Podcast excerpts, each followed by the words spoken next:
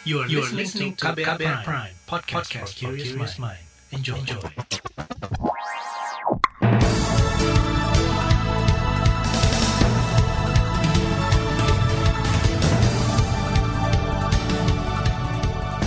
Selamat pagi saudara. Senang sekali kami bisa menjumpai Anda kembali melalui program Buletin Pagi edisi Kamis 28 Januari 2021. Bersama saya, Sindu Darmawan.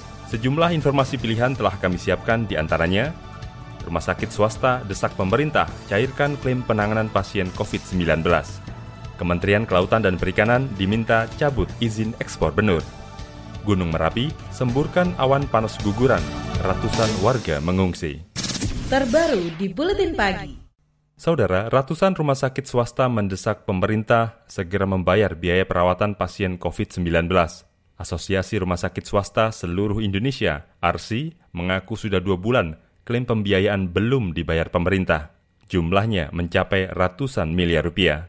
Sekretaris Jenderal ARSI Iing Iksan Hanafi khawatir arus kas rumah sakit swasta kolaps jika klaim tidak segera dicairkan di rumah sakit swasta itu memang sangat tergantung sekali dengan pembayaran klaim ini ya. Karena dua bulan nggak belum terbayar tentunya akan uh, mempengaruhi cash flow rumah sakit. Di sisi lain kami juga harus menambah kapasitas tempat tidur baik itu isolasi ataupun ICU-nya. Nah untuk penambahan tempat tidur ini kami membutuhkan dana ya mudah-mudahan kalau klaim ini segera dibayar rumah sakit uh, bisa menambah kapasitas tempat tidur. Sekjen Arsi, Iing Iksan Hanafi menjelaskan, tunggakan klaim tiap rumah sakit berbeda, mulai dari puluhan juta hingga miliaran rupiah. Dari hasil pertemuan dengan perwakilan Kementerian Kesehatan, keterlambatan pembayaran terjadi karena anggaran dari pusat yang belum turun.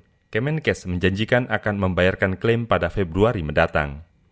Salah satu rumah sakit swasta rujukan COVID-19 di Jakarta Rumah Sakit Yarsi mengatakan pemerintah belum membayar tunggakan biaya perawatan pasien sejak Oktober tahun lalu. Menurut manajer penunjang medis RS Yarsi Jakarta, Muhammadi, nilai tunggakan klaim itu mencapai 4,6 miliar rupiah. Nah, saat ini sih sampai di November itu kita masih mayoritas klaim itu yang 60 persennya itu adalah corporate. Terus ada 20 persenan dari pribadi, sisa 20 persenan itu yang KMK. Cuma kalau ini ditahan lebih dari tiga bulan kan cash flow pasti akan terganggu. Apalagi per November, Desember itu angkanya naik dan masyarakat sudah tahu tentang pembayaran bahwa kasus pandemi ini dijaminkan ke KMK. Jadi uh, permintaan untuk switch ke KMK dari pribadi maupun dari perusahaan pun jadi naik. Manajer penunjang medis RS Yarsi Jakarta, Muhammadi, juga mengeluhkan proses pencairan klaim di Kementerian Kesehatan yang cukup berbelit dan lama. Manajemen RS Yarsi berharap ke depan pembayaran klaim bisa lebih tepat waktu, paling lama sebulan setelah klaim dikirimkan pihak rumah sakit. Kementerian Kesehatan mengklaim pembayaran tunggakan ke rumah sakit swasta rujukan COVID-19 berjalan lancar hingga November 2020. Namun kemudian ada beberapa kendala seperti temuan ketidaksesuaian antara dokumen klaim yang diajukan dan aturan dari Kementerian Kesehatan yang menyebabkan terjadi penundaan pembayaran. Direktur Jenderal Pelayanan Kesehatan Kemenkes Abdul Kadir mengklaim Kemenkes telah membayar hampir 15 triliun rupiah kepada 1.600-an rumah sakit swasta sejak Maret tahun lalu. Klaim yang masuk pada akhir-akhir Desember atau membutuhkan proses verifikasi selama dua minggu. Itu memang di akhir-akhir Desember ini ada beberapa yang tidak bisa kita bayarkan oleh karena pertama sudah akhir tahun KPPN daripada Kementerian Keuangan itu sudah tutup buku. Di samping itu juga masih ada yang membutuhkan proses verifikasi. Eh, kemudian untuk bulan Januari ini memang kita belum melakukan pembayaran oleh karena anggaran yang akan kita ajukan untuk pembayaran ini ini masih berproses di Kementerian Keuangan. Direktur Jenderal Pelayanan Kesehatan Kemenkes Abdul Kadir berjanji, jika anggaran dari Kementerian Keuangan cair, maka tunggakan kepada rumah sakit swasta akan segera dibayar. Sementara itu, Komisi Bidang Kesehatan DPR meminta Kementerian Kesehatan segera mencairkan tunggakan biaya penanganan pasien COVID-19 di ratusan rumah sakit swasta. Anggota Komisi Bidang Kesehatan DPR, Kurniasi Mufidayati khawatir keterlambatan pembayaran biaya pengobatan COVID-19 berdampak pada terhambatnya aktivitas di rumah sakit swasta. Menurutnya, pemerintah seharusnya berterima kasih atas peran rumah sakit swasta dalam menangani lonjakan pasien COVID-19. Apalagi, kata dia, saat ini kapasitas fasilitas pelayanan kesehatan milik pemerintah sudah melebihi kapasitas. Saudara, hingga kemarin kasus positif COVID-19 di Indonesia telah mencapai lebih dari satu juta orang. Dari jumlah itu, lebih dari 830 ribu orang sembuh dan 28 ribu orang lebih meninggal. Saudara, jumlah kasus positif COVID-19 meningkat selama PPKM. Informasinya akan hadir usai jeda. Tetaplah di Buletin Pagi KBR. You're listening to KBR Pride, podcast for curious mind. Enjoy!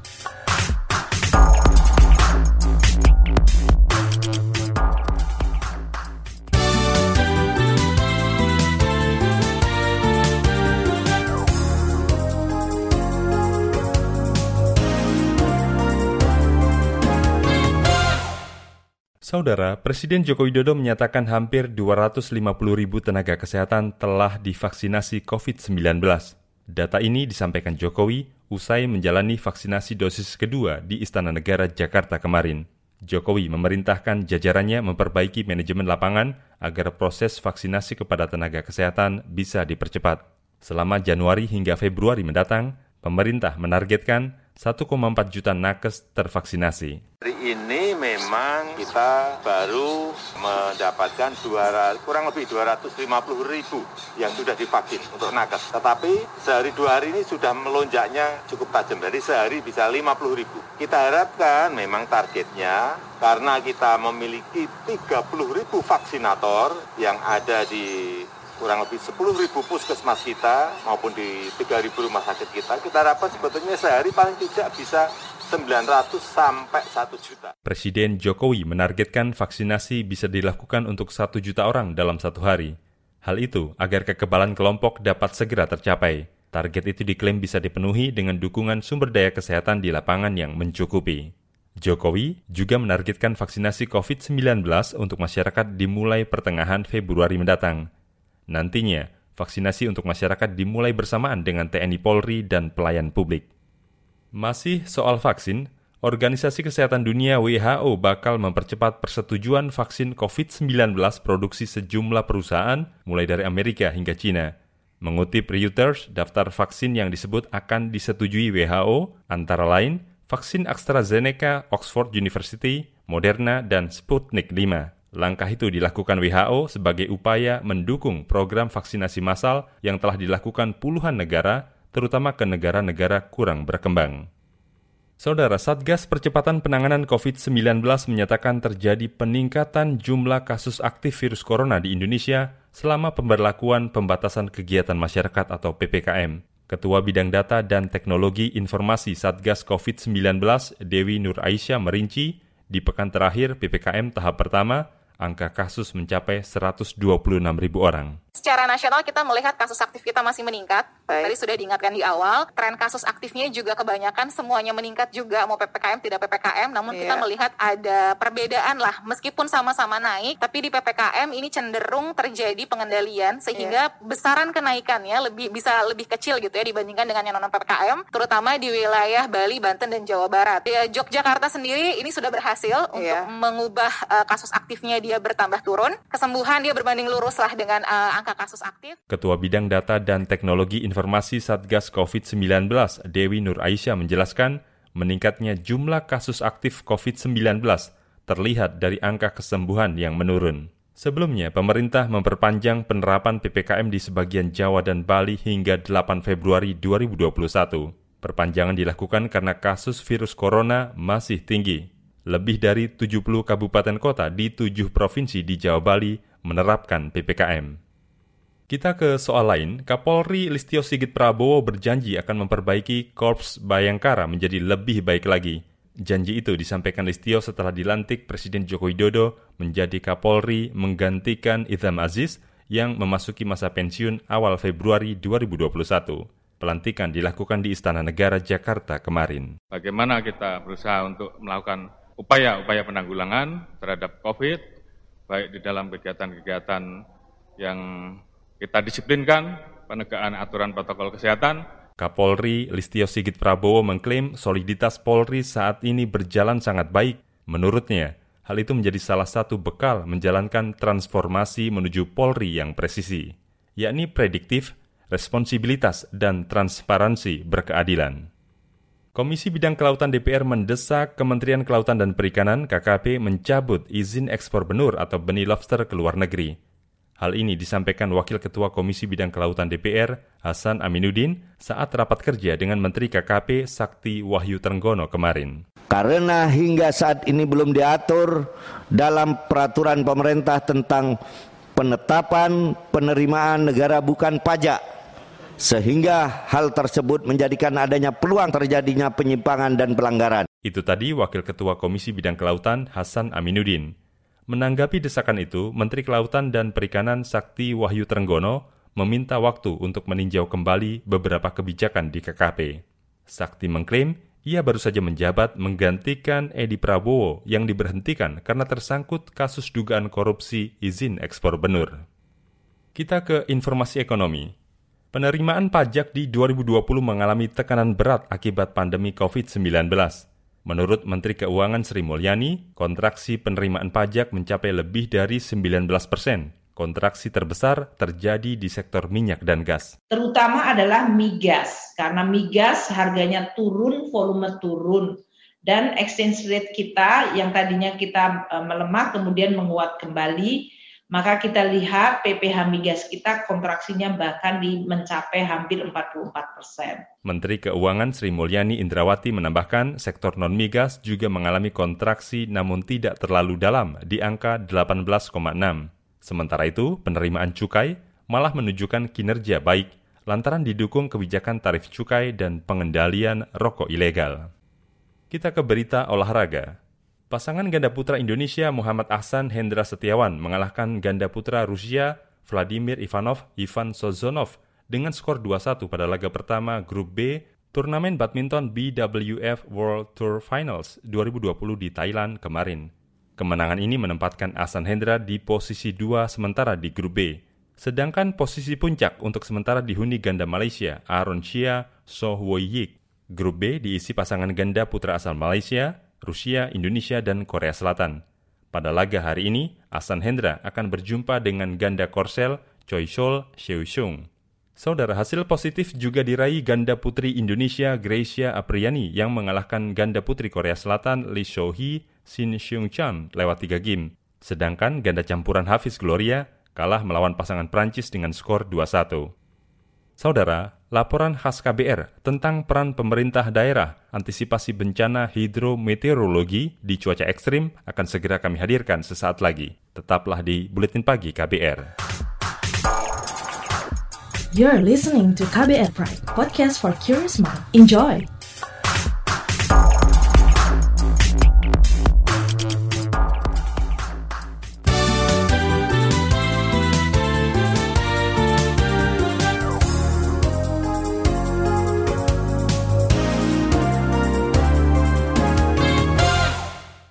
Anda masih bersama kami di Buletin Pagi KBR. Saudara Badan Meteorologi, Klimatologi, dan Geofisika BMKG mengingatkan cuaca ekstrim masih terjadi di awal tahun 2021. Puncak musim hujan misalnya berlangsung sepanjang Januari hingga Februari. Bagaimana? Langkah antisipasi yang dilakukan Badan Nasional Penanggulangan Bencana BNPB dan pemerintah daerah terhadap bencana hidrometeorologi Simak laporan yang disusun jurnalis KBR, Siti Sadidah Hafsyah. Banjir bandang dan longsor termasuk bencana hidrometeorologi yang banyak terjadi di Indonesia awal tahun ini. Banjir dan longsor di antaranya terjadi di Kalimantan Selatan, Sumedang hingga Bogor, Jawa Barat. Kepala Badan Meteorologi, Klimatologi, dan Geofisika Dwi Korita Karnawati mengungkapkan cuaca ekstrim yang menyebabkan bencana hidrometeorologi di sejumlah kawasan di Indonesia.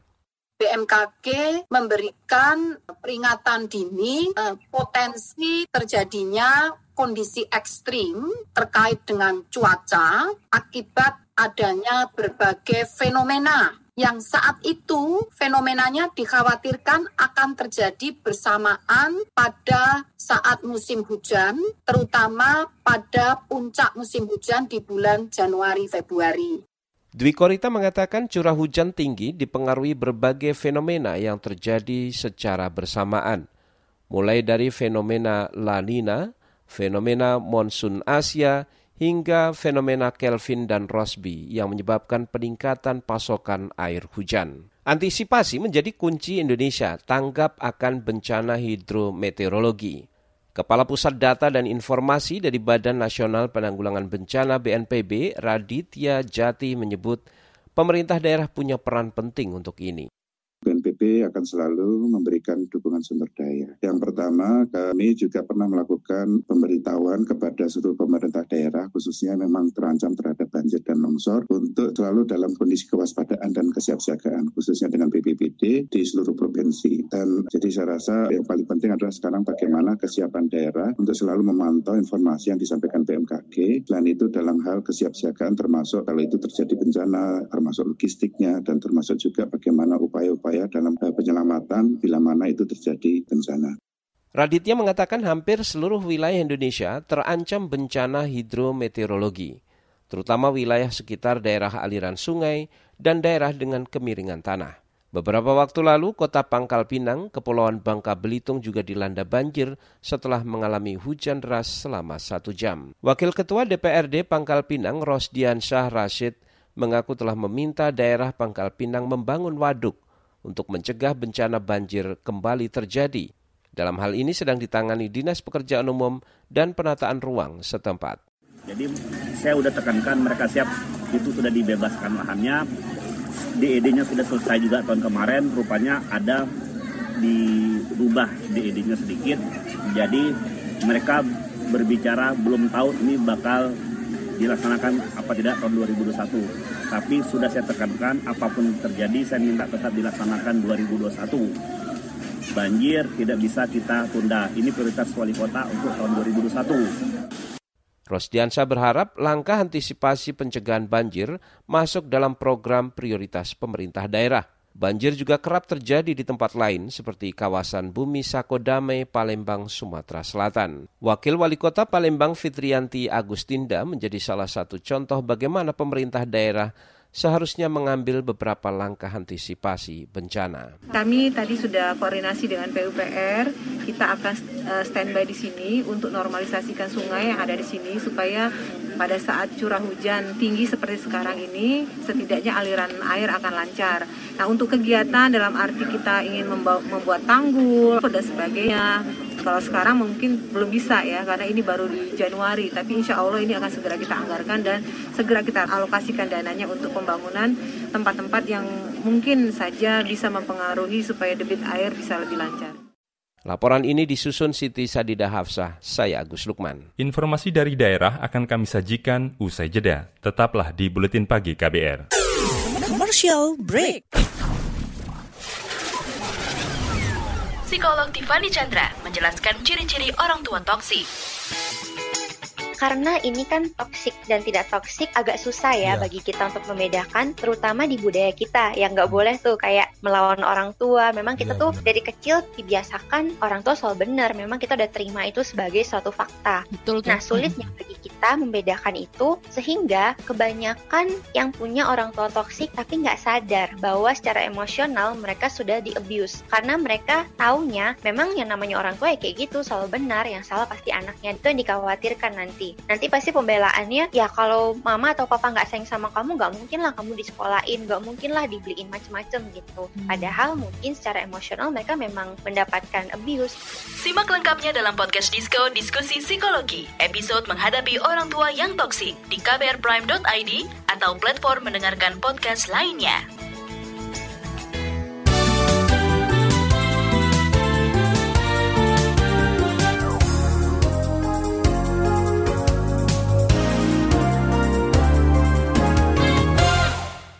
Inilah bagian akhir buletin pagi KBR.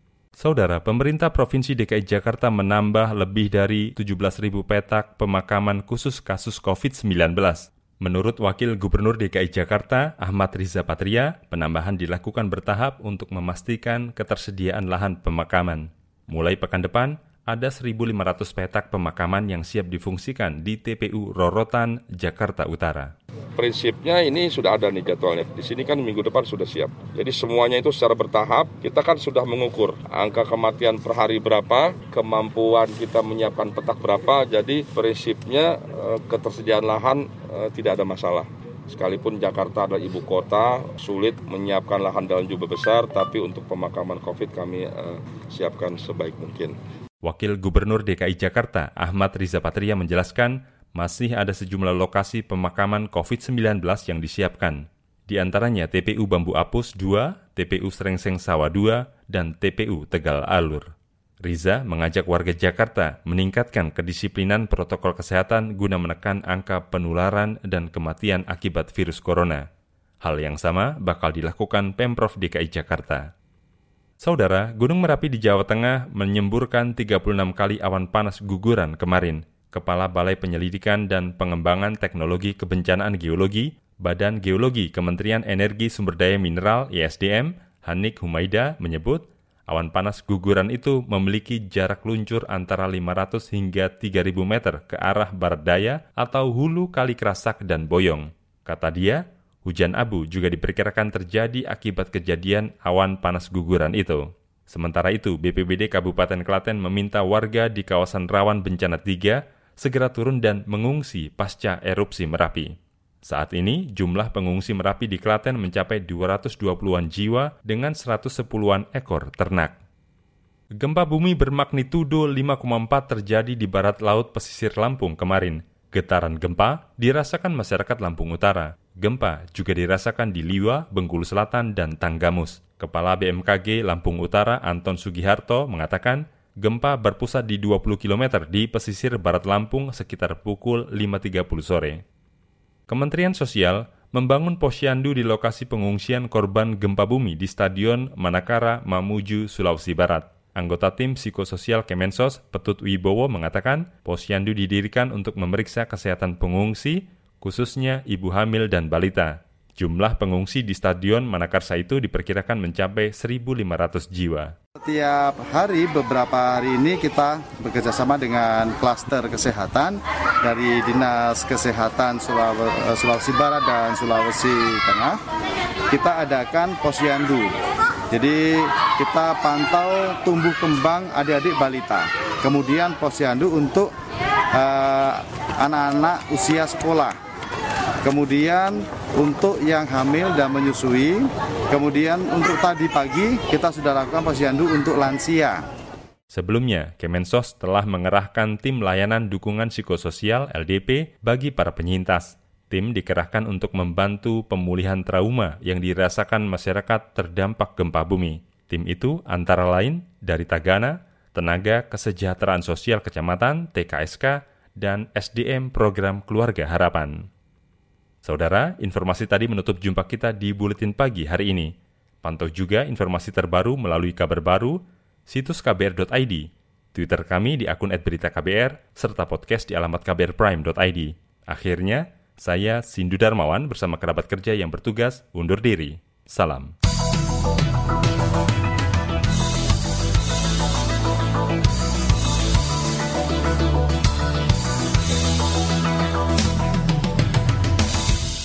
KBR Prime, cara asik mendengar berita. KBR Prime, podcast for curious mind.